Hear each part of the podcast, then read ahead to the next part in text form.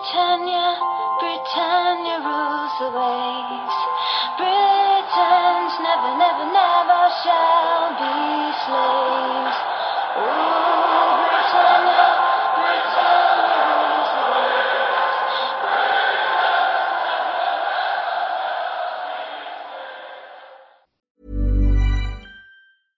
Selling a little? Shopify helps you do your thing however you cha-ching. Shopify is the global commerce platform that helps you sell at every stage of your business. From the launch your online shop stage to the first real life store stage, all the way to the did we just hit a million orders stage. Shopify is there to help you grow. Shopify helps you turn browsers into buyers with the internet's best converting checkout. 36% better on average compared to other leading commerce platforms because businesses that grow grow with Shopify. Get a $1 per month trial period at shopify.com slash work. shopify.com slash work. Britannia, Britannia rules the waves. Britons never, never, never shall be slaves. Rule Britannia, Britannia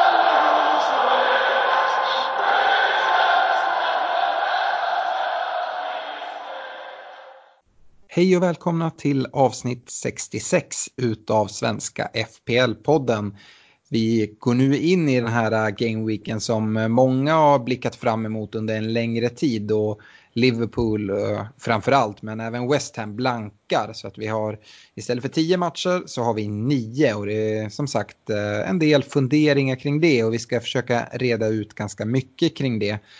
Vi spelar in idag tisdagen den 17 december och eh, agendan för dagens avsnitt är att vi såklart som vanligt ska syna förra gameweeken, alltså gameweek 17, gå igenom lagen och eh, de olika spelarna i respektive lag, vad, ja, vad vi ser och vad vi tror framåt. Vi ska kika in i poddligan och eh, även titta till poddlaget, hur det går. Och och komma med eh, nya rekommendationer eller fortsätta med att uppdatera våra rekommendationer. Och avslutningsvis ska vi försöka beta av en drös lyssnarfrågor som ni kära lyssnare har skickat in. Men innan vi drar igång allting så ska jag nämna det att podden sponsras som vanligt av vår spelpartner Coolbet och jag var precis inne och kikade hur oddsen ser ut här inför helgen och Ehm, mina ögon föll först på en eh, Wolves-seger borta mot Norwich där Wolves eh, ger 2,02 eh, i pengar och jag tycker att det känns ganska vettigt även om eh, Pookie Party kanske är eh, på väg tillbaka.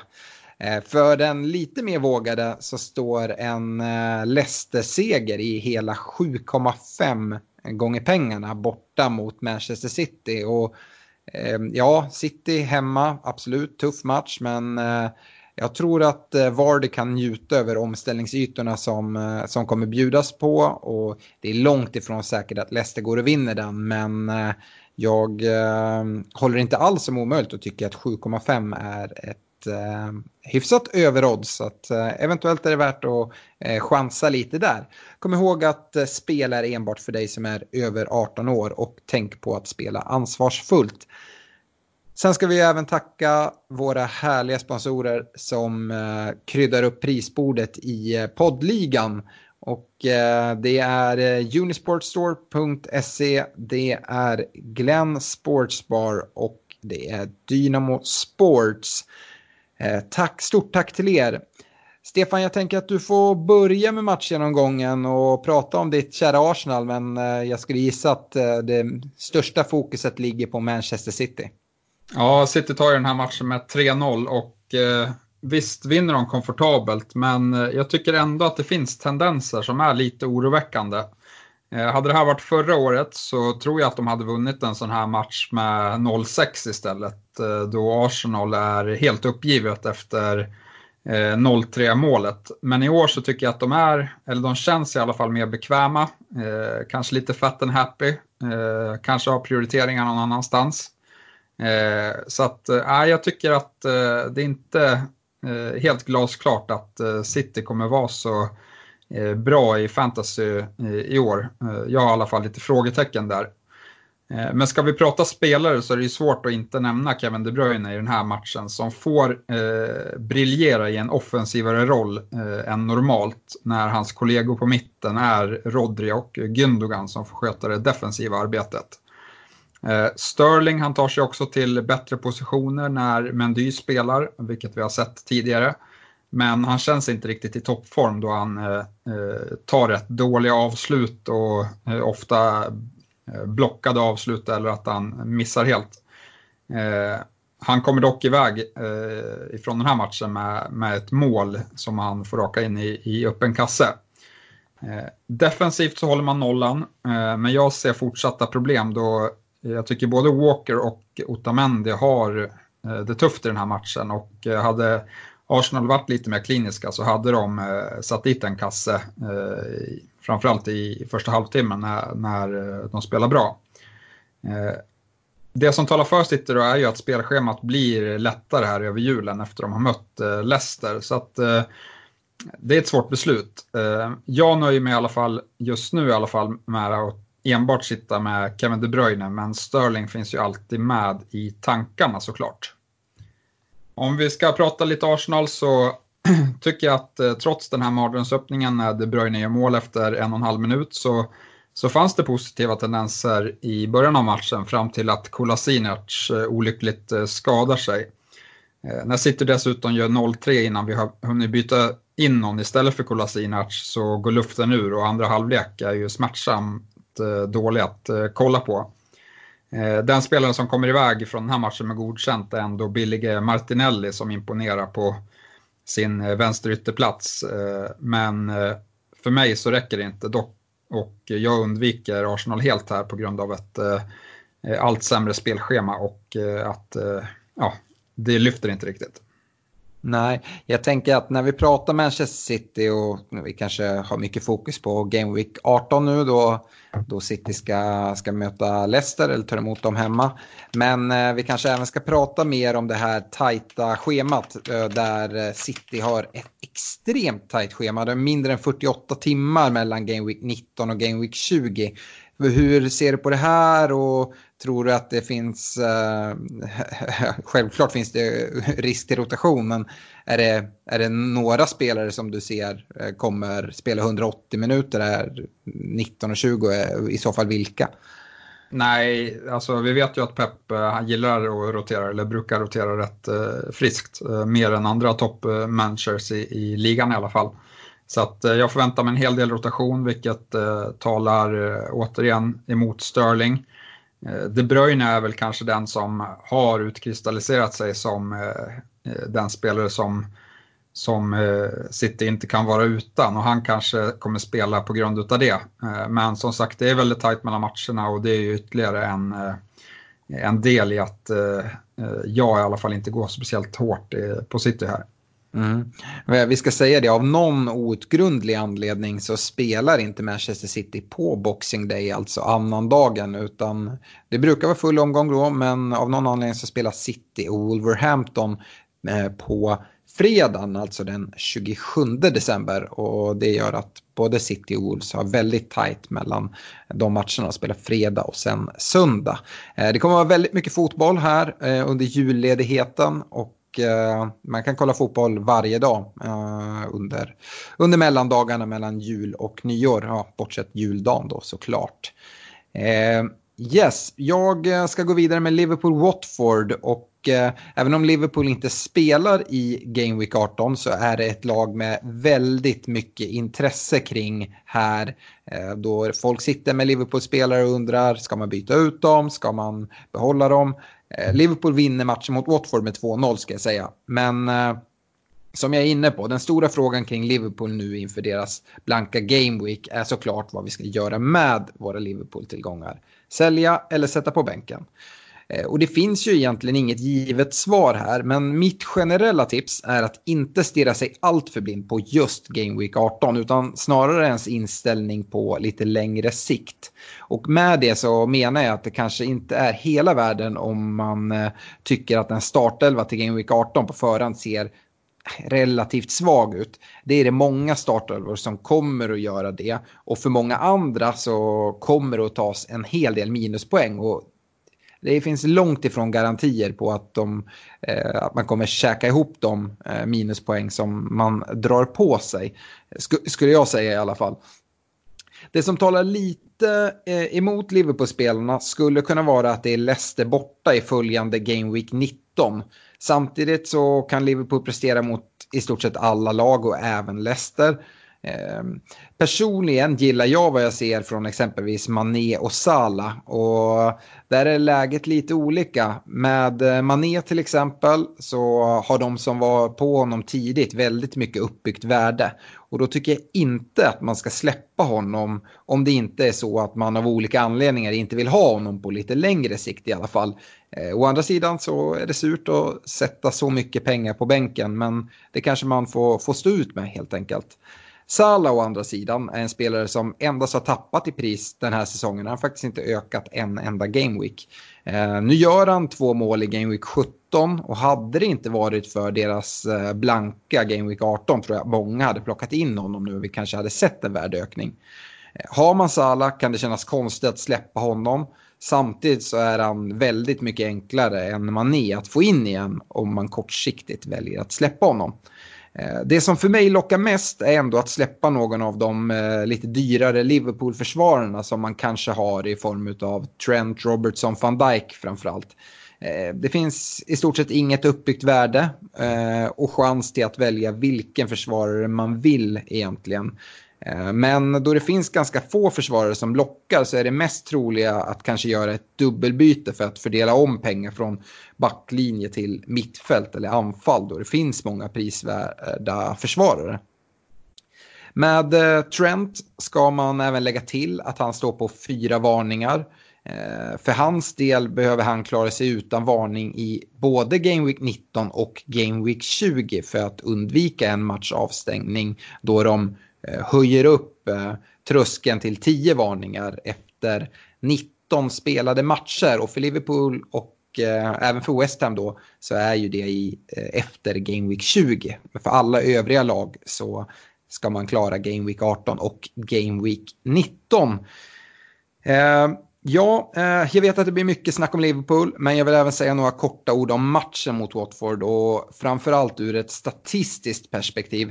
Eh, Klopp han startade med Robertson på bänken för att ge han lite vila men blev tvungen att kasta in honom redan i första halvlek på grund av en muskelskada på Vinaldum på mitten. Eh, tyvärr för alla Robertson-ägare så fick han inga poäng för att hålla nolla då han inte spelade över 60 minuter. Sala, ja, han var glödhet. Han gjorde ju sina två mål såklart, men eh, han hade även hela sju stycken lägen där alla var inne i boxen jämfört då med hans anfallskollegor i Mané och Firmino som eh, båda hade två lägen i, i box. Eh, Salah hade även turen på sin sida till skillnad från Mané då Salahs eh, 2-0-mål godkänns efter VAR-granskning för offside med ungefär lika många millimeter som Manés bortdömda uh, mål var. Uh, jag noterar även glädjande att Trent fortsätter ta hörnor och frisparkar även när den duktiga, erkänt duktiga frispark och hörnläggaren Shakiri är på planen. Yes, det var mycket Liverpool-snack och eh, jag eh, går snabbt igenom Watford här. Eh, när man ser den här matchen så förstår man att Watford ligger på nedflyttningsplats och detta på grund av att man inte ens kan träffa bollen vid kanonlägen. För om vi ska vara helt ärliga så jag kan inte förstå hur Watford kommer ifrån den här matchen utan att göra mål. Det är solklara lägen. Eh, det positiva är väl ändå att man tar sig till så många bra chanser mot den suveräna serieledaren. Eh, jag håller mig borta. Och eh, jag ska även nämna det att Ducoré och Femenia i Watford är ett gult kort ifrån avstängning om de tar det nu här i Game Week 18 eller 19. Stefan, är det någonting du vill tillägga och då kanske framförallt kring Liverpool? Nej, jag tycker du har tagit upp det bra. Mm. Då går vi vidare. Ja, eh, och jag går vidare med Wolverhampton-Tottenham som Tottenham vinner med 2-1. Och Eh, att vinna borta mot eh, Wolverhampton är ett styrkebesked, eh, men vi ska säga att segern satt hårt inne. Framförallt så var Son mer osynlig än vad vi har vant oss vid. Men man ska nog inte dra allt för stora växlar av en, av en svår bortamatch. I övrigt så tickar Ali på med lite skapade chanser och lite avslut. Kane han fortsätter komma djupt ner i banan och dagen till ära så är det Mora som överglänser samtliga av sina offensiva eh, kollegor här. Eh, kikar vi defensivt så blir det ingen nolla, eh, men vi finner Orier högt upp i bonussystemet som vi har gjort flera gånger tidigare. Och vi ska säga att Tottenham är ett av lagen med de absolut bästa spelschemana över julen, vilket gör dem intressanta. Eh, jag kikar mot att äga minst eh, två av deras spelare eh, här över, över julperioden och Son, Alli och Orier är de tre som jag tycker sticker ut som bästa alternativen. Kikar vi på Wolverhampton så har de klarat av en av de här tre svåra matcherna som de har här på kort sikt. Och de ser fortsatt fina ut. Eh, I den här matchen så eh, tycker jag att de eh, gör det riktigt bra utan att få utdelning. Närmast så väntar Norwich i Game Week 18, vilket kan ge fin utdelning i en på förhand svår omgång.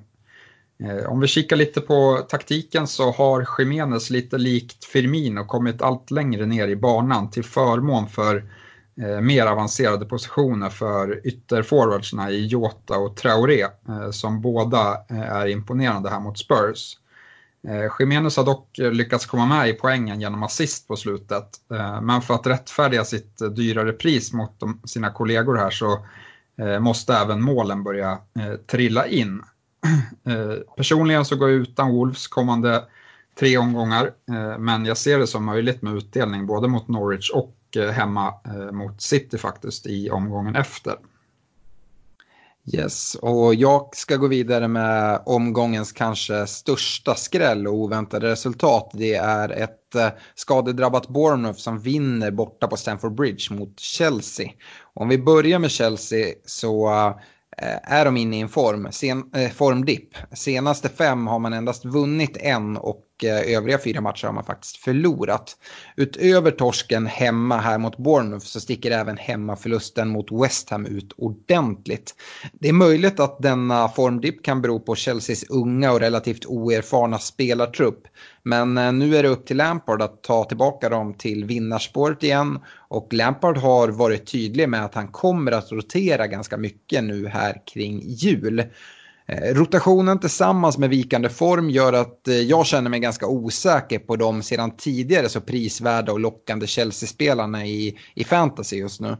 Framförallt är jag osäker på tungt ägda spelare såsom Mount och Pulisic. Samtidigt som jag har lite mer tålamod med eh, anfallaren Abraham. Eh, ja, samtidigt som jag ser att det är väldigt många som, eh, som byter ut Mount och Pulisic just nu framförallt, men även Abraham så eh, är det kanske tveksamt om jag hade prioriterat byten av Chelsea-spelare inför, inför problematiska Game Week 18. Eh, då många kanske har större problem än så. Men eh, lite beroende på hur man sitter med eh, antal fria byten och hur laget ser ut i övrigt så, så finns det ändå case för, eh, för det. Ehm, Ja, eh, Kovacic ska jag nämna. Sitter på fyra gula kort. Det är den enda Chelsea-spelaren som gör det. Eh, Stefan, hur, eh, hur tänker du på, på Chelsea-spelarna och eh, rotationen eller rotationshoten? Ja, nej, som sagt, de här förlusterna hemma mot West Ham och hemma mot Bournemouth har ju svidit ordentligt eh, i, eh, i mitt privata lag. Så att eh, mitt förtroende är mer eller mindre utraserat. Eh, jag har inte kikat på att byta ut Abraham än, men Pulisic har fått eh, lämna eh, mitt privata lag. Mm. Bournemouth då, ja, som jag nämnde, ett skadeskjutet Bournemouth fixar ändå tre oväntade poäng och dessutom håller nolla på Stamford Bridge. Efter ett sent mål som utan var felaktigt hade dömts bort för offside. Eh, på grund av alla skador eh, slängdes tidigare skadade King direkt in i startelvan men tvingades kliva av i andra halvlek med vad som såg ut att vara samma ljumske som har hållit honom borta ett tag nu. Får se när han är åter på plan. Trots eh, Bournemouths alla skador så gillar jag Billy Rico i backlinjen då han erbjuder assistpotential och framf eh, framför allt att Bournemouths kommande schema ser riktigt, riktigt bra ut. Men jag ska nämna det att Rico, han står på fyra gula kort. Eh, och jag kommer nämna det för alla mina eh, matchgenomgångar vilka spelare det är som eh, ligger på avstängningshot.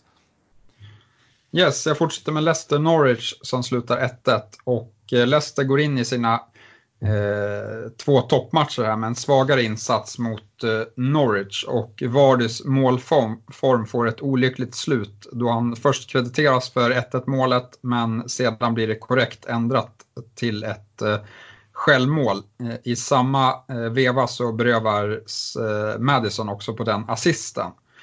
Eh, kikar vi till statistiken så är det dock fortsatt Vardy och Madison som utmärker sig som de bästa alternativen offensivt.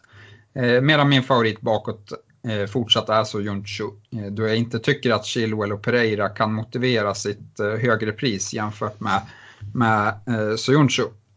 som, som sagt så har Leicester svårare matcher nu.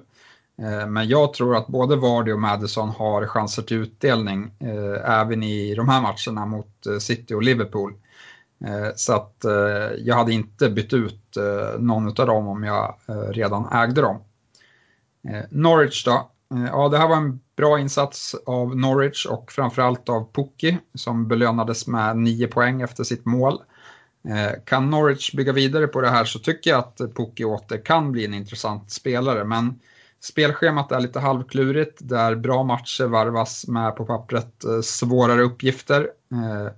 Så att det är väl lite att ha i åtanke i alla fall. Eh, I övrigt eh, så får Cantwell chansen istället för Hernandez i den här matchen.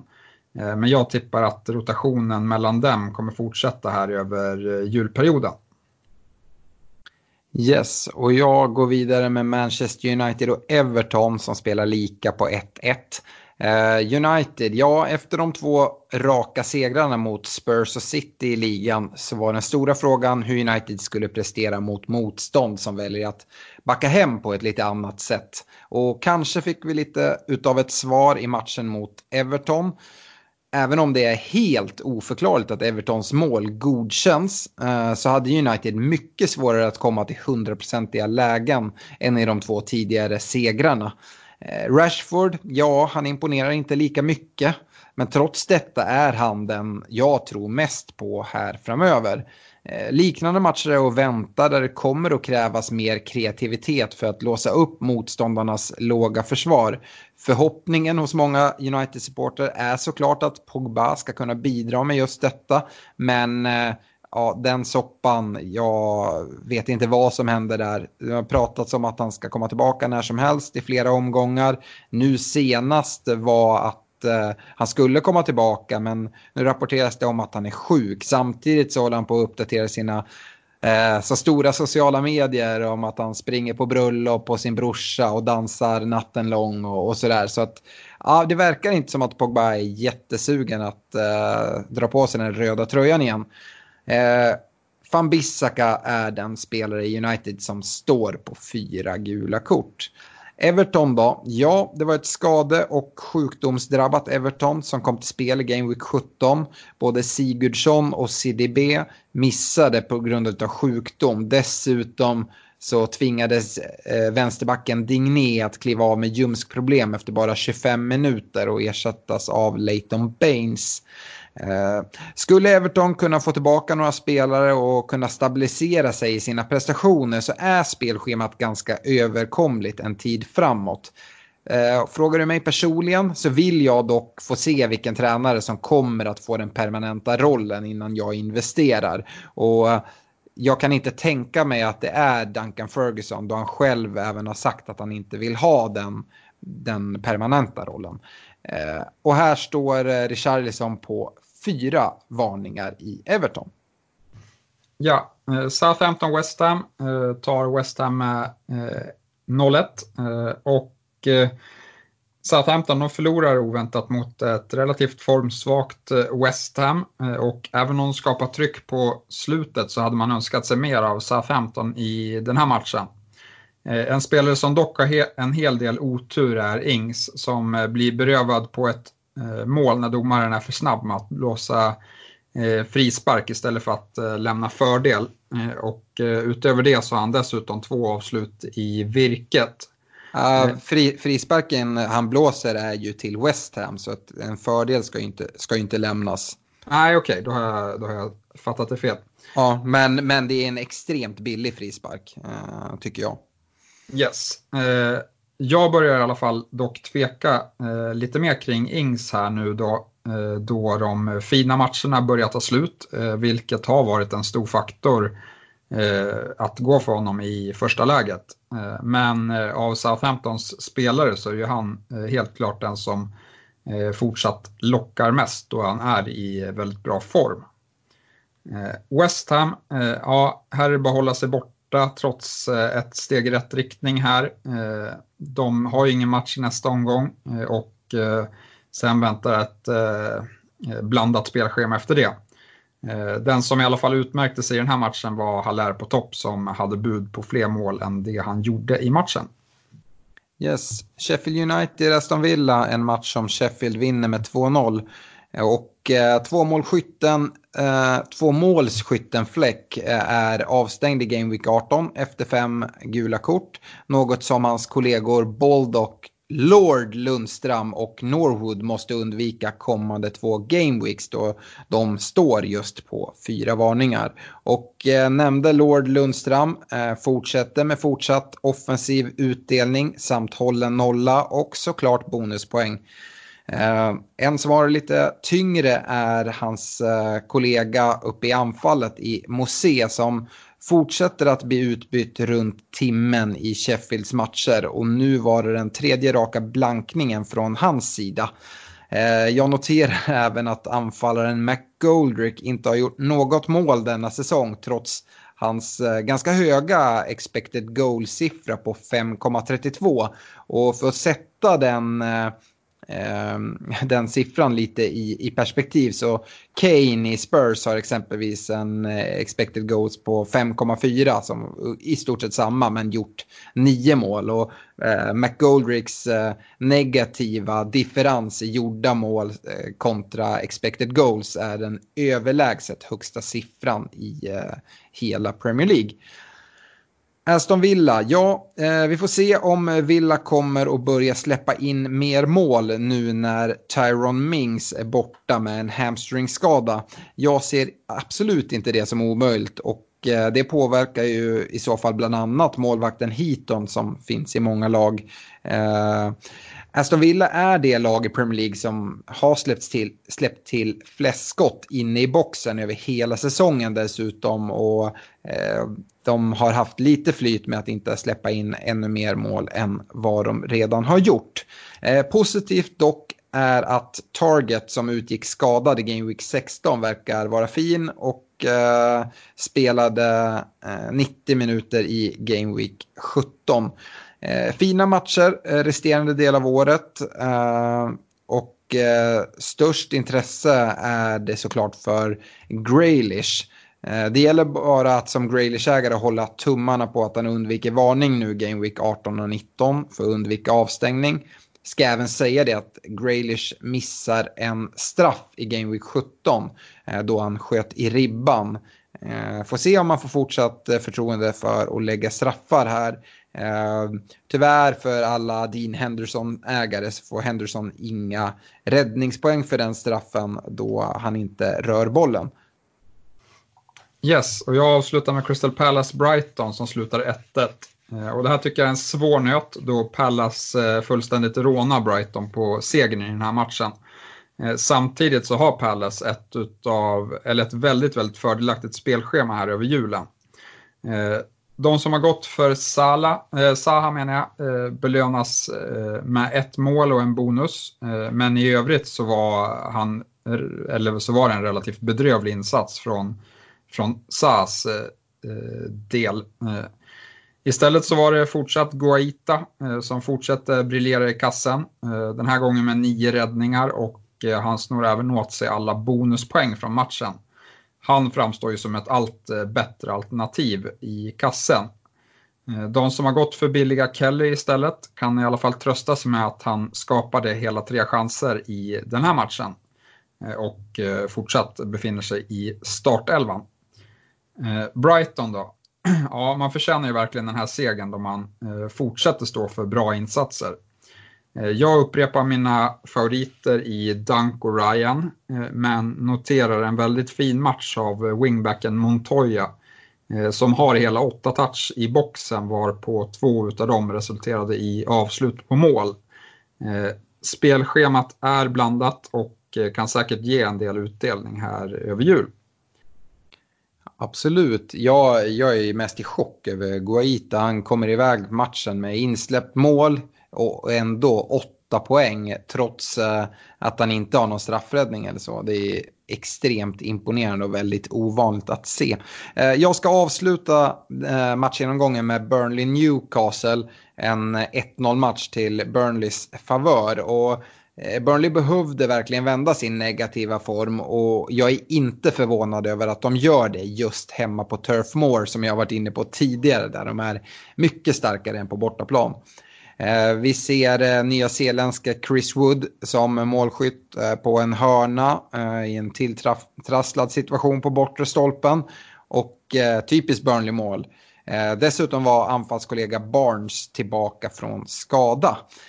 Nu är det dubbla bortamatcher som väntar i Game Week 18 och 19 mot hyfsat beskedligt motstånd ändå i Bournemouth och Everton. Men för Burnley är det jätteviktigt att eh, få ordning på sitt bortaspel och se till att, plocka poäng här. Eh, vinster till och med. Eh, Hendrik och Tarkovski står på fyra varningar. Och eh, jag kan väl säga det, jag kollar inte på att ta in någon från Burnley just nu på grund av lite tuffare spelschema sen efter årsskiftet. Men om man sitter på Wood till exempel så tycker jag inte att det är eh, eh, något man liksom måste prioritera och göra något byte eh, just, just nu. Eh, Newcastle, ja, glödhete Shelby missade matchen på grund av skada och är även just i detta nu osäkert spel inför Game Week 18. Men eh, ni vet alla vad jag säger om Newcastle. Jag håller mig borta, även om jag tror de har hyfsat god chans till nolla nu i Game Week 18 hemma mot Crystal Palace. Och det var matchgenomgången. Kikar vi snabbt in i poddligan så är det samma gamla trio som vi hittar där uppe. Eh, men eh, Joel Rogö är i topp. Eh, han tappar lite mot de jagande.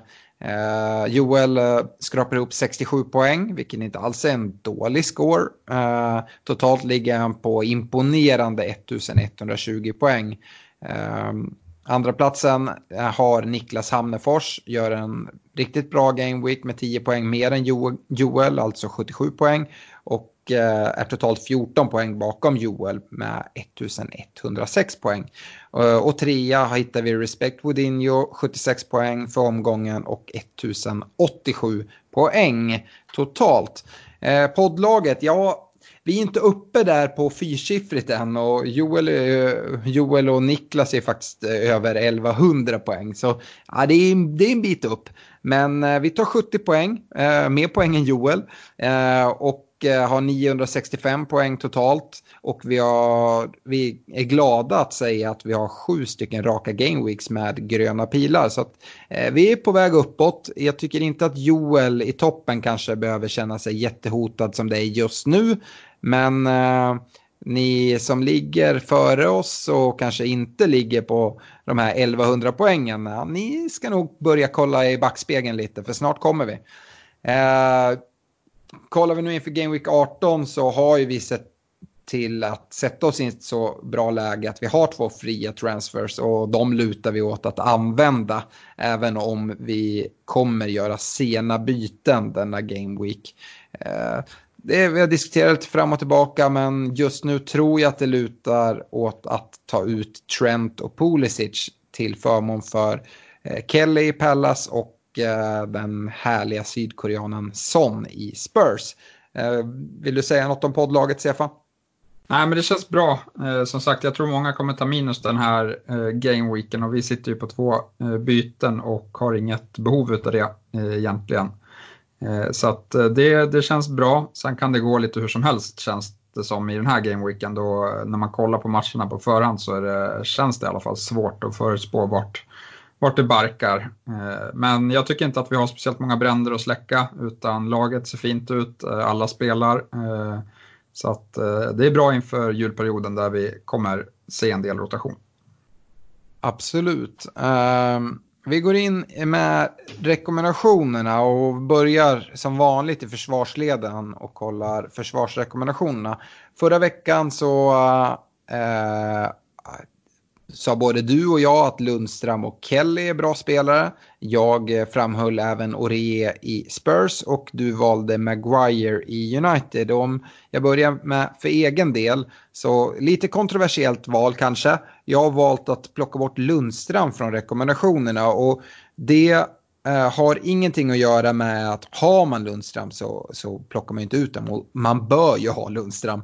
Men om man av någon outgrundlig anledning har eh, sovit under en sten här eh, under hösten och inte har tagit in honom så tycker jag inte att man gör det nu då att det kommer komma en del eh, tuffa matcher här inom kort. Inte nu i Game Week 18 men om, de här rekommendationerna ska ju vara för några Game Weeks fram. Och jag har valt att ersätta Lundström med en annan eh, riktig prisvärd försvarare i eh, Bournemouths Rico.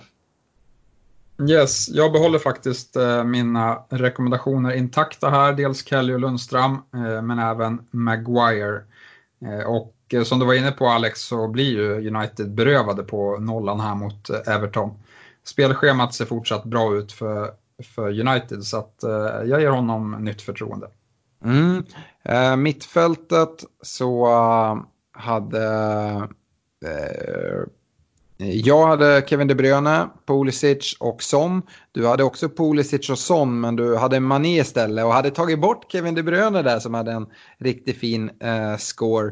Eh, jag behåller såklart Kevin De Bruyne i, i min rek men eh, Pulisic, nej, nu eh, har det sett svagt ut i lite för många game weeks och dessutom pratar Lampard om rotation. Uh, nej, han får stryka på foten till förmån för Jack Grealish i Aston Villa. Ja, jag plockar också bort uh, Pulisic till förmån för Grealish men behåller Son och uh, Mané. Uh, och vi har ju varit inne på den här diskussionen, du bland annat Alex, att uh, Mané byter man inte ut utan man sätter honom på bänken den här gameweeken framförallt om man har mycket uppbyggt värde i honom. Och det är även så jag tänker. Eh, skulle jag säga någon annan mittfältare här så skulle det ändå få bli Ali i Spurs och en uppdubbling eh, därifrån. Mm, och jag ska vara tydlig med det, jag sa det i förra podden. Jag har valt att inte ha några Liverpool-spelare i förra veckans rekommendationer och heller inte i den här veckan nu när de inte har matcher. Så de är med i, i contention för, för nästa vecka eh, då vi återkommer med nya rekommendationer. Eh, Forwardsidan så var vi rörande överens förra veckan med Abraham, Vardy och Rashford. Jag ser egentligen ingen anledning till att ändra på, på det från min sida i alla fall. Nej, precis. Eh, inte jag heller. Jag behåller dem och eh, eh, lite besviken med utdelningen den här gameweeken. I alla fall framförallt från Abraham, men även hade förväntat mig eh, utdelning på Rashford också. Men eh, det kommer nog, det kommer nog. Mm. Det är många som, som byter ut Abraham. Uh, jag kan tycka att det är lite förhastat. Men uh, ja, har du någon tanke kring det? Jag pratade lite om det i matchgenomgången med, med Chelsea-spelarna. Och, uh, instämmer du med mig där att Abraham ändå är den, den högt ägda Chelsea-spelare som, som man har högst förtroende i? Absolut, och om man kollar på chanserna i, i matchen mot, eh, mot Bournemouth så är det ju han som jag tycker ligger närmast att bli målskytt eh, i matchen. Mm. Eh, differential-biten så hade jag förra veckan, det ska alltså vara en spelare med ägarandel under 10%. Jag hade eh, James Ward-Prowse, eh, Jack Grealish och eh, Serge Aurier i eh, mixen här. Och Eh, Eh, både Graylish och Re har ni ju hört att jag har med i min försvars och mittfältsrekommendation. Så de kommer få, få stå kvar för båda är faktiskt fortsatt under 10 procent. eller var i alla fall det igår när jag eh, kollade upp det här. Eh, även om deras ägarandel ökar. Eh, James Ward-Prowse däremot, ja de får ju ett tuffare schema som du var inne på när vi pratade matchgenomgång och Ings. Så därför får han Eh, säga hej då och jag plockar in Lukas Mora från Spurs. Eh, du Stefan eh, hade Graylish, Ore och Martial.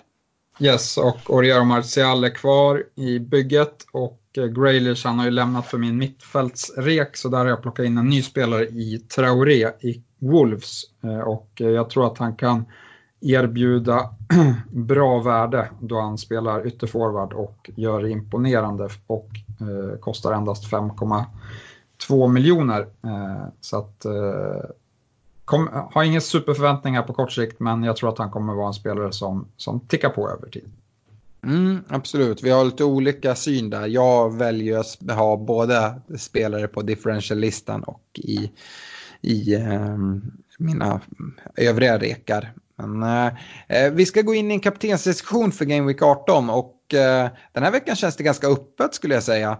Eh, Liverpool, om vi börjar där, känns inte speciellt aktuellt eh, då de inte har någon, någon match. Eh, och det finns egentligen tveksamheter kring i stort sett alla kaptensalternativ eh, inför denna Game Week. Eh, håller du med mig i det Stefan, att det inte är någon som känns 100% given till en riktig succéomgång?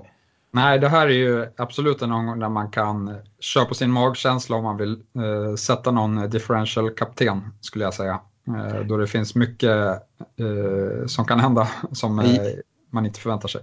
Ja, jag vet att du har eh, ju tidigare sagt det att du ofta och gärna undviker när topplagen möter varandra och det får vi väl ändå säga att det är när City City eh, tar emot Leicester hemma på Etihad. Men eh, finns det ändå ett case för eh, någon, antingen från Leicester eller eh, City tycker du? Jag är ju eh, lite inne på att ändå fortsätta med Jamie Vardy och jag tycker att hans snabbhet och Leicesters omställningsspel borde kunna löna sig ganska bra mot ett hyfsat tafatt ta eh, City-försvar.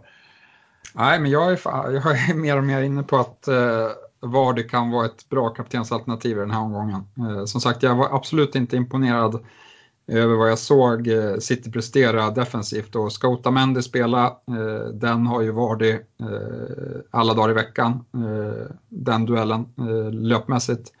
Och jag tyckte även att Walker såg seg ut på, på högerbacken. Så att, och, och dessutom ska Mendy spela vänsterback så kan det finnas yta bakom honom också. Så att Nej, jag tror att eh, Leicester har bra chanser att göra mål och eh, då är det ju stor sannolikhet att det är just eh, Vardy som gör det. Alternativet till att spela Mendy som vänsterback är ju väl att sätta in den här bedrövliga spelaren Angelino. Och han får gärna spela för mig. Även om han kanske inte är lika offensiv som, som Mendy så är han ju minst lika bedrövlig bakåt. Ja, nu var ju Sinchenko tillbaka med ett inhopp här men det är nog lite för tidigt att matcha honom från start i den här matchen skulle jag tro. Ja, eh, City då, vi såg ju en jättefin insats av Kevin De Bruyne. Är man helt ute och cyklar om man är där och fingrar på en kaptensbindel? Nej, det är man väl inte, men samtidigt så finns det en osäkerhet i om han kommer få den där framskjutna rollen eller inte. Eh, får han, alltså, det, det kommer vi inte veta på förhand såklart. I den rollen så, så är han ju väldigt eh, intressant såklart, eh, då han eh, får fylla på på ett helt annat sätt in i boxen. Eh, så att eh, Nej, eh, jag vet inte. Jag kaptenar inte De men uh, ja. Nej, uh, nej det, det är som sagt, det finns många alternativ. Uh, om vi vänder oss till andra Manchester-laget så ska de åka på en bortaresa och uh, möta Watford. Och då tänker jag väl kanske framförallt på Rashford. Jag vet att du har han i ditt privata. har du fingrat något? Kanske lite tankar, men eh, samtidigt litar jag inte på Rashford. Han, eh, bruk, när jag äger honom så brukar han inte göra eh, ett enda poäng. Eh, missa straffar brukar han kunna göra också då. Eh, men nej, som sagt, jag litar inte riktigt på honom. Men det är en bra differential-kapten. Eh, han kanske inte är en differential eh, liksom, heller. Han är, han är rätt tungt ägd, men jag vet inte om så många i toppen har plockat in honom än. Nej, om vi går vidare då. Uh, Spurs hemma mot Chelsea. Chelsea verkar ju vara inne i en formdipp och uh, försvaret har ju läckt lite grann. Eh, Son, Alli. Jag vet Alli har väl, om jag inte helt för mig, ganska bra statistik mot, mot Chelsea. Ja, all, eh, ja, Ali, det kanske han har, men jag är nog mer inne på Son eh, om jag ska kaptena någon från den matchen eh, ändå. Mm. Eh, om man inte har Son då eh, och bara har Ali som, som Tottenham-spelare är eh, Tycker du Ali ska vara med i diskussionen jämfört med de andra spelarna vi pratar om om man till exempel har Vardy, Rashford, De Bruyne och så? Det kan han absolut vara. Alltså, alltså, jag ser det ju här som att Mourinho är ju extremt sugen på att vinna den här matchen tror jag eh, mot Chelsea. Eh, och eh, kommer nog elda på sina spelare till max inför, inför just den här matchen och jag tror att de kommer göra bra ifrån sig. Så att eh, ett eh, formsvagt Chelsea eh, blir nog en, en fin match för Tottenham. Så att, eh, jag tycker att den matchen är intressant ur Tottenham-aspekt. Eh, ja, jag, jag sitter verkligen och i mitt privata lag kan jag avslöja att jag har inte Rashford, jag har inte Son av de vi har pratat om. Och för mig så håller valet på vägen mellan Jamie Vardy och Alli. Där jag tror att eh, Alli är den spelare som kanske har störst möjlighet att komma iväg med en rejäl score. Jag tror inte att Vardy, även om jag tror att Vardy kan göra mål på City, så tror jag inte att han eh, Eh, drar dit några stycken eller får någon ass och sådär. Jag kan se att eh, Spurs gör en, eh, ganska många kassar eh, på, på ett Chelsea. Eh, så att ja, det börjar. Jag, förut var jag väldigt inställd på att sätta den på Vardy, men nu börjar det väga över mot Alli. Jag ska gräva lite djupare i Allis tidigare statistik mot just Chelsea. Jag tror att han eh, gillar att spela mot dem. Eh, Sen så, den här veckan kan man ju även vända sig till de här lite mindre lagen. Eh, eh, Stefan, är det någon du vill lyfta ut? Kanske någon från Everton som möter Arsenal? Det brukar vara ett vinnande koncept. Ja, Richarlison kommer säkert göra det bra, men eh, nej, eh, inte där. Men däremot så, så är jag eh, intresserad av både Graylish och eh, Jiménez eh, den här gameweeken. Eh, men ja, jag vet inte jag brukar inte sätta kaptensbindeln i mindre lag så, men eh, på förhand så känns, känns det som bra chanser. Mm. Uh, du nämner Graylish där i Villa. Jag nämnde ju att Villa är det lag som släpper till mest avslut in i boxen. De möter ju Southampton. De, uh, Danny Ings uh, borde kanske få utdelning här i Game Week 17, fick inte det. Där kanske? Ja, eventuellt. Han har varit jättefin. Uh, Försvars, försvarsgeneralen Mings saknas i, i Villa. Uh. Ja, nej, han kan säkert göra mål. Uh, jag, jag, är inte sugen på kaptensbindel dock. Alla vi som älskar och fått upp ögonen och kärleksförklarar Lord Lundström då. Bortamatch mot Brighton. Ja, Brighton har varit bra hemma och sådär men Eh, jag ser, jag ser ändå möjlighet eh, där. Jag tycker det är helt crazy. Ja, det tycker jag faktiskt att det är. ja, eh, vi har varit nere och grävt ganska djupt nu, men som sagt, här är en typisk omgång som jag tycker att eh, egentligen vilket val man än kommer eh, falla på så kommer det vara eh, vi kommer inte alls se som det har varit här vissa game weeks då Eh, Eh, nästan hälften av spelets manager sitter med samma kapten. Här kommer det vara en rejäl spridning och eh, mycket av din eh, game weeks av utdelning, se om det blir gröna eller röda pilar eller hur stora pilarna blir, kommer avgöras av kaptensval den här veckan. Det är i alla fall jag relativt säker på. Och om man har en jättekänsla, ska man kasta in en triple captain då, Stefan, och sticka ifrån? Nej, Nej, eh, jag vill ändå bolla upp den. Eh, vi ska säga det också att eh, deadline för Game Week 18 är på lördag klockan 12.30 inför den tidiga lördagsmatchen Everton-Arsenal. Och då Stefan, sitter du bänkad? Ja, men det ska jag försöka se. Mm, härligt, du har varit inne lite på att gå över och börja följa damlaget istället. Eh, då det blir lite mer vinster där. Ja, framförallt eh, så Ja, precis. Blir, blir det kanske lite roligare där. Ja. Resultatmässigt. Nej, men som sagt, vi ska hoppa vidare snabbt till lyssnarfrågorna. Som jag var inne på i agendan så har vi fått in väldigt, väldigt många. Det är många som har frågor inför den här jobbiga och lite struliga Game Week 18. Men då finns det även chans att eh, sticka ut. Eh, första frågan vi har fått in är egentligen inte en fråga och jag vill lyfta den framförallt för att eh, Eh, be alla våra lyssnare att tänka lite som eh, vår lyssnare Fredrik Halsius har gjort. Han kom med förslag på en ny programpunkt och jag har inte nämnt den för dig Stefan. Eh, jag har en ganska tydlig inställning till det här, men vill ändå lyfta den. Hans förslag är att vi ska ha veckans wildcard, alltså om vi skulle tagit ett wildcard just inför den här gameweeken, hur hade det sett ut då? Man kan ta poddlagets budget minus en miljon förslagsvis, då vissa säkert har lägre budget. Eh, och sen får man krydda extra om man kan. Eh, kanske ta lite mycket tid är han inne på, vilket jag, jag är inne på också. Eh, men skulle tycka att det var intressant och att eh, han lägger på förslag att vi skulle kunna alternera. Att eh, du tar ut varannat avsnitt och jag de andra. Ja, jag är inte jättesugen på hans idé här. Eh, men däremot så har vi gjort liknande saker eh, i eh, slutet av säsongen när det blir lite mer upplagda wildcard-lägen. När de strategierna har liksom mer satt sig och man vet vilka dubbelomgångar och så det blir. Så att vi kan väl trösta honom med att vi troligtvis kommer göra något liknande i slutet av säsongen i alla fall.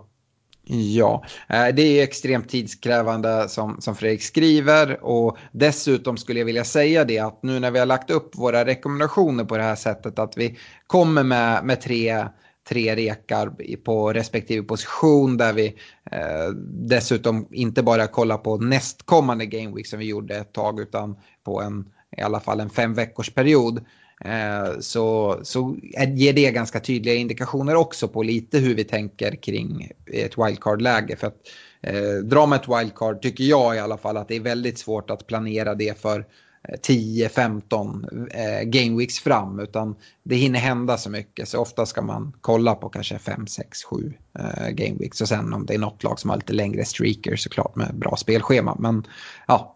Eh, så Jättestort tack för inskickat förslag, men just nu skjuter vi nog ner det. Men som sagt, jag uppmanar alla till att eh, gärna komma med feedback på stående inslag eh, som vi har, om vi ska eh, dra ner på något eller göra något annorlunda eller helt nya. Vi är jätteglada för all som, eh, som eh, återkoppling vi får.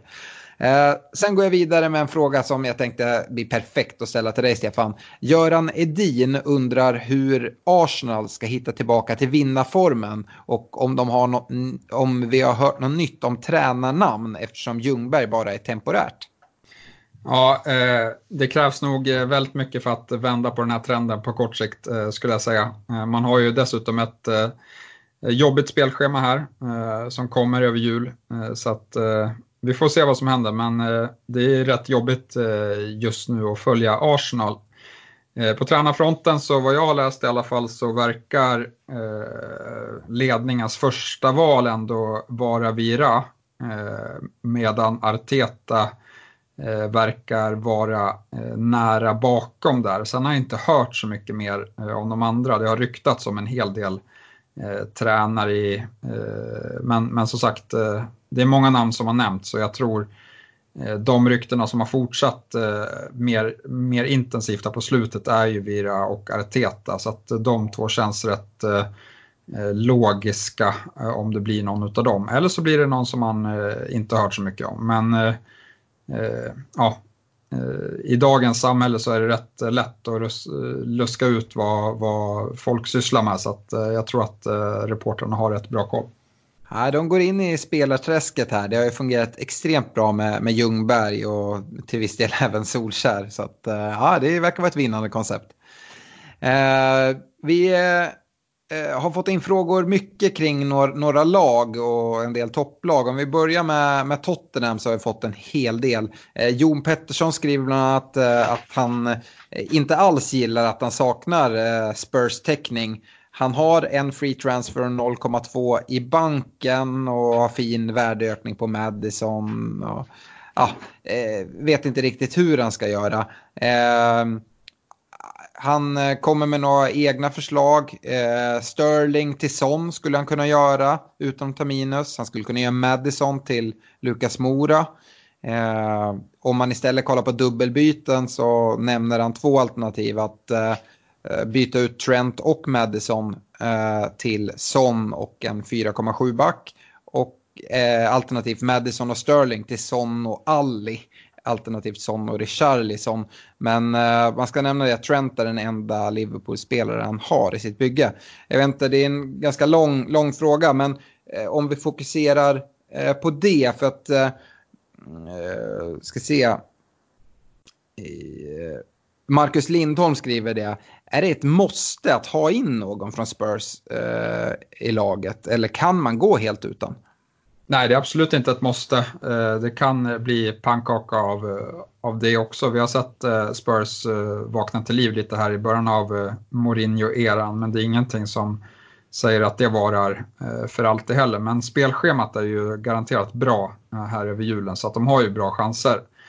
Om vi tar, går tillbaka lite till första frågan så hade jag för allt i världen inte sålt Madison. Eh, framförallt inte med massa uppbyggt eh, värde, eh, då jag tycker han Eh, är extremt fin i år. Han fortsätter leverera chans på chans, men det som han har blivit bättre på i år är att han tar sig till fler egna lägen också. Eh, och det resulterar i poäng. Eh, så att han hade jag behållit och om jag hade gjort något byte där som han föreslog så hade det varit att droppa, so eller droppa Sterling till Son. Mm. Yes, uh, Marcus Lindholm var jag inne på där om man undrar om det var måste, men han uh, funderar även på att byta ut Robertson och Thielemans för att inte sitta med tre spelare från, från de lagen. Uh, och undrar i ett sånt dubbelbyte um, vad vi tror vad man skulle kunna kolla på, ersättare till ungefär samma totala peng. Har du något snabbt på en försvarare och mittfältare för ungefär de pengarna som man får ihop för Robertson och Thielemans? Ja, jag vet inte exakt hur mycket pengar man har, men det skulle ju till exempel kunna vara en Billy Buck och eh, Alli. Eh, skulle jag se som ett eh, rätt hett alternativ här. Ja, någon Billy Buck som du vill pusha lite extra för? Ja, eh, jag tycker att eh, Rico kan vara intressant. Eh, Kelly har bra matcher, så de två står väl ut som billiga alternativ. Sen om jag ska lämna någon mer så är det väl kanske i Brighton i Dunk och en chansning på Montoya, men den känns lite mer avlägsen. Ja, jag tänkte säga det. Om man inte sitter med Ryan i kassen tycker jag att Dunk är ett eh, mycket bra alternativ. Eh, Kelly gillar jag såklart också om man inte redan har honom. Eh, Bartek eh, Cieslik skriver att han är rätt så missnöjd med Pulisic, ganska många som är, eh, och tänker ersätta honom inför nästa Game Week och då tror jag att han menar Game Week 19. Är Alli ett bra alternativ eller ska man eh, ta in exempelvis Mora och investera mer i försvaret? Jag vet inte om det finns så många dyra försvarare att investera i nu här. Eh, så att eh, jag hade kanske gått för Ali. Eh, Mora gjorde det bra senast men han är inte helt självskriven i laget utan vi har sett att Mourinho även har ställt upp med Cissoko på hans plats. Så att jag hade gått för Ali som är mer självskriven. Ja, Bartek verkar ha ett rätt bra mittfält i övrigt. Han skriver att han redan har De Bruyne, Son och Mané till exempel. Eh, jag är också inne på det. Jag tycker inte att det finns så mycket dyra försvarare som jag är intresserad av just nu. Eh, det, är, det är egentligen Trent som jag gillar, även, men han har ju ingen game week nu så det är ingen spelare man tar in som det är nu. Eh, om vi går vidare med ett annat lag då, som vi redan har pratat en del om i och med uh, Pulisic där, så Chelsea.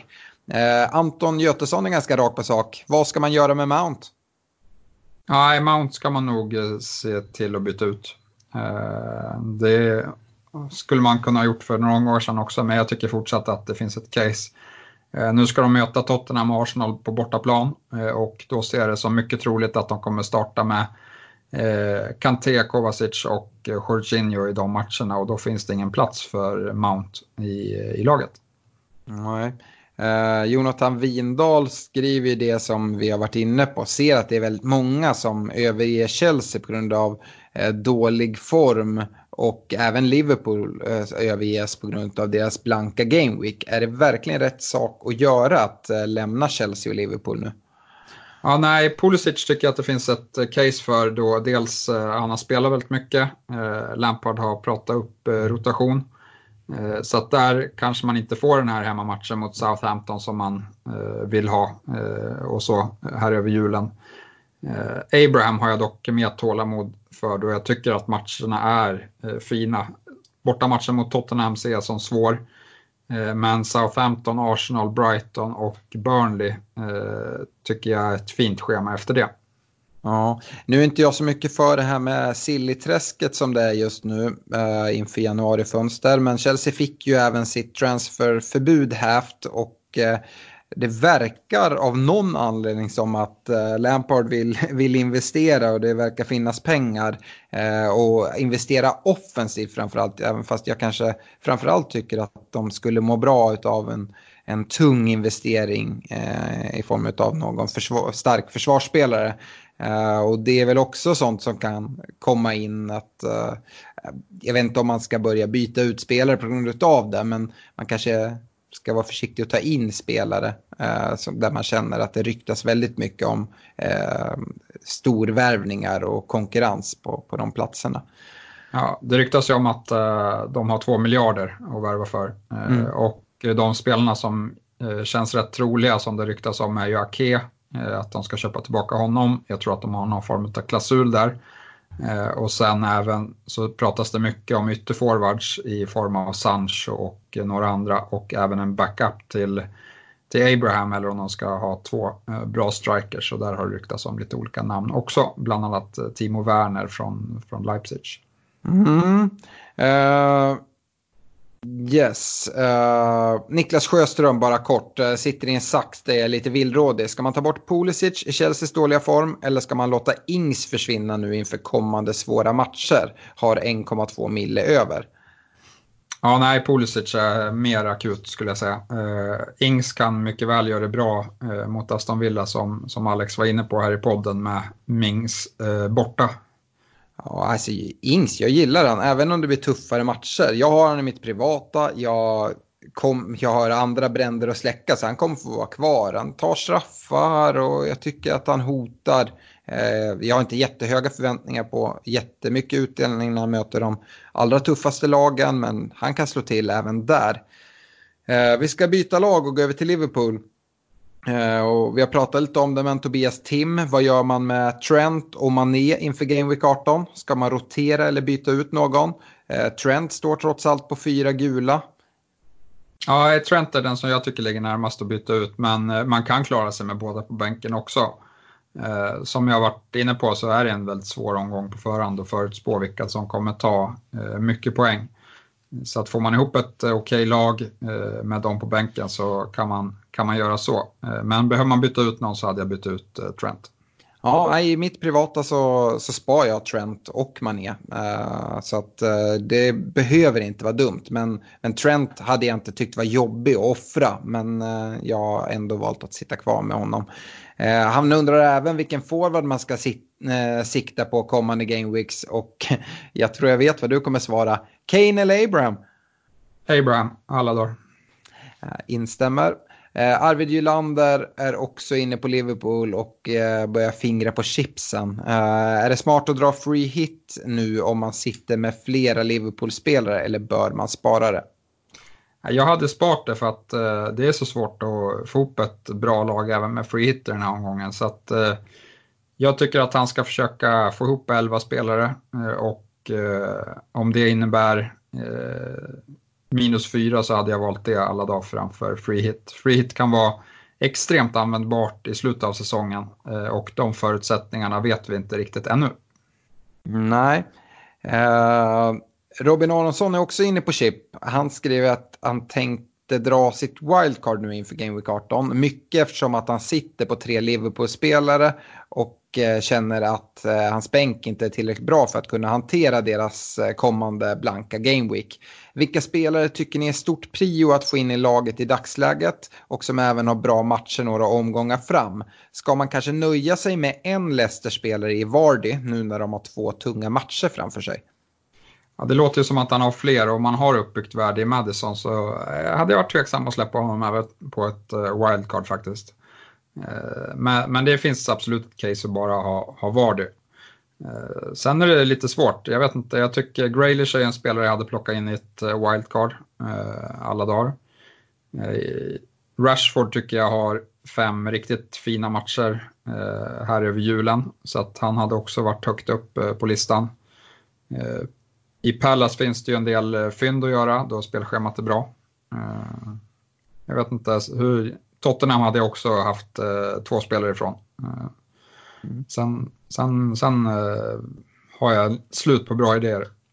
Ja, jag hade i alla fall gått väldigt väldigt billigt i försvaret då det finns väldigt mycket eh, prisvärda alternativ där och som sagt väldigt få eh, dyrare försvarare som, som lockar. Det hade jag i alla fall gjort. Målvaktsmässigt, ja, Guaita tycker jag eh, gör skäl för sitt pris nu med, med Pallas eh, fina form och hans eh, ja, framförallt bra spelschema. Eh, och eh, hans fina form, inte Pallas kanske, men han eh, kanon och nära att ta bonus lite hela tiden. Dessutom gör Crystal Palace inte så mycket framåt, vilket då ökar hans chans för bonus hela tiden. Och jag tror att det är ganska troligt att det kan bli några 0-0 matcher och då är han där uppe och fingrar direkt på, på bonusen.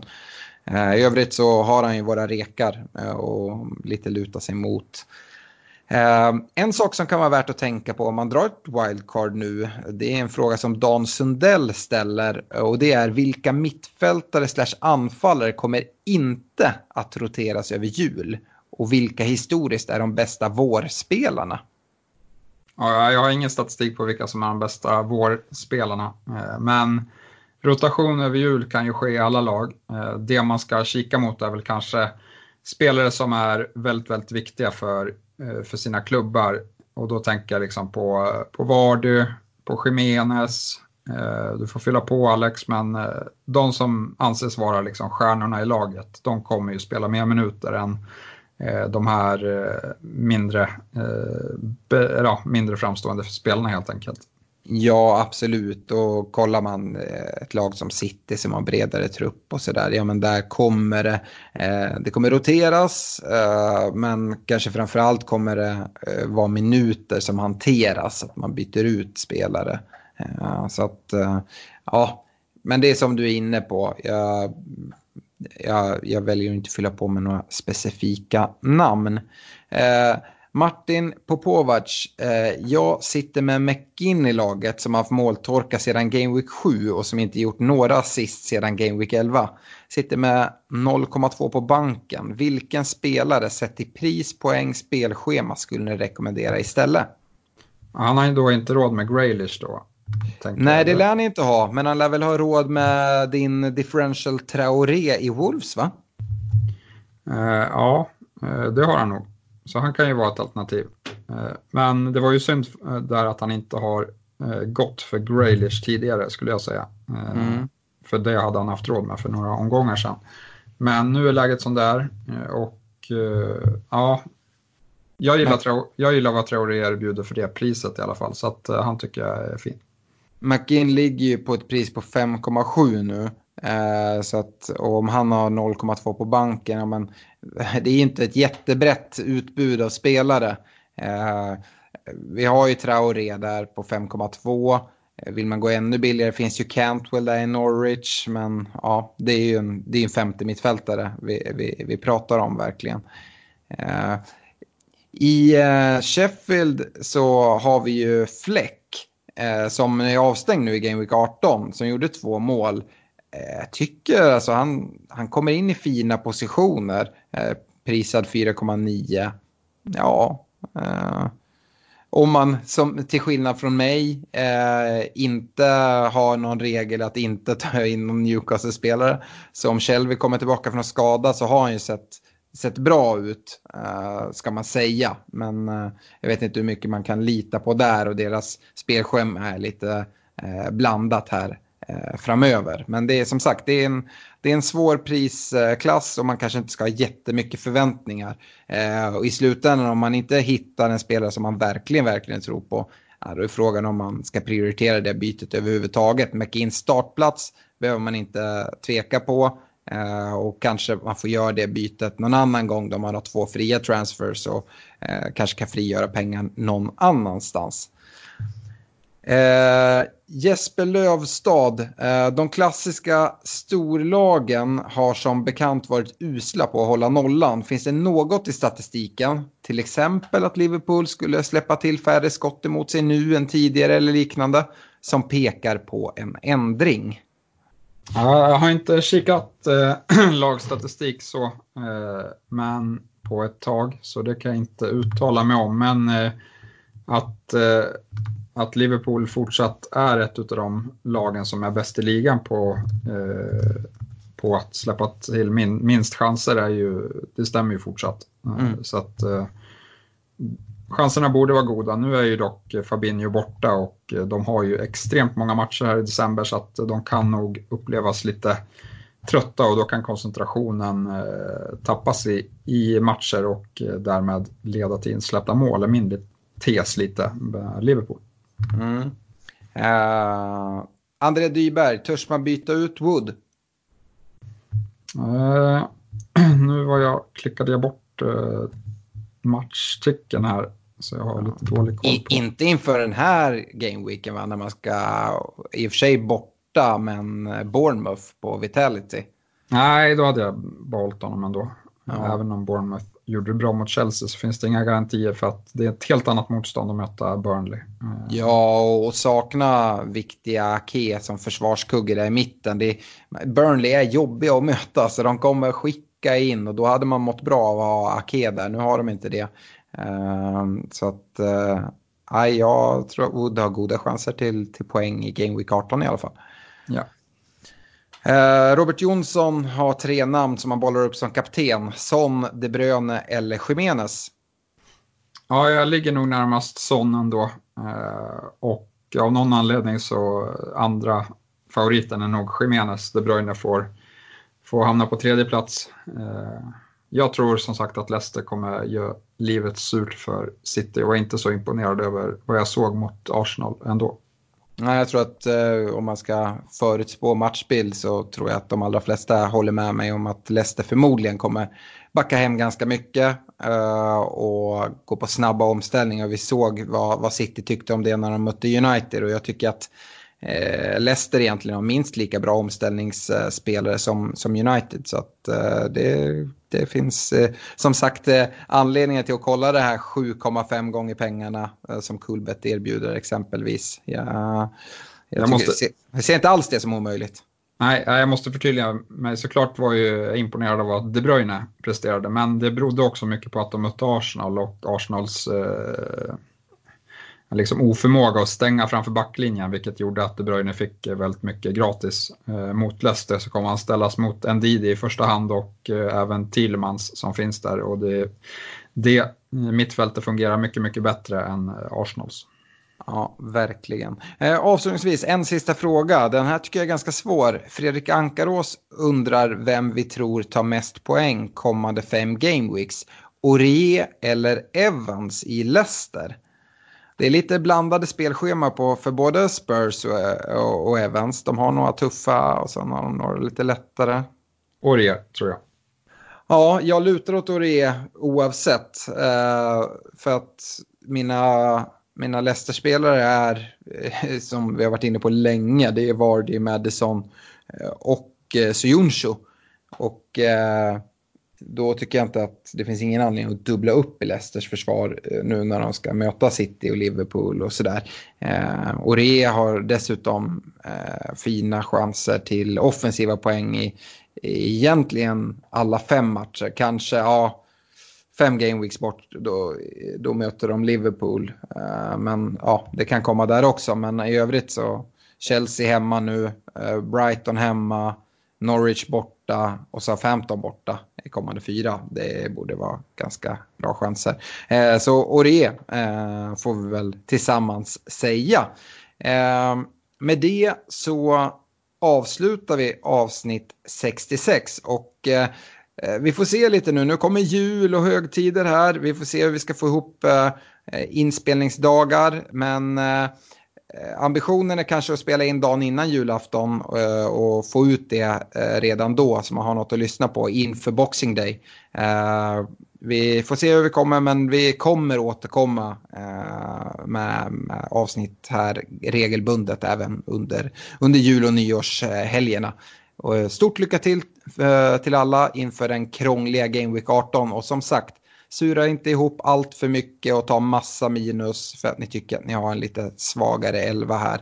Jag, jag har svårt att se vilka spelare det är som, som ska avgöra. Och tänk igenom ert kaptensval ytterst noga för här kommer mycket att avgöras. Eh, lycka till, ha det bra, hej! Stort lycka till, hej då!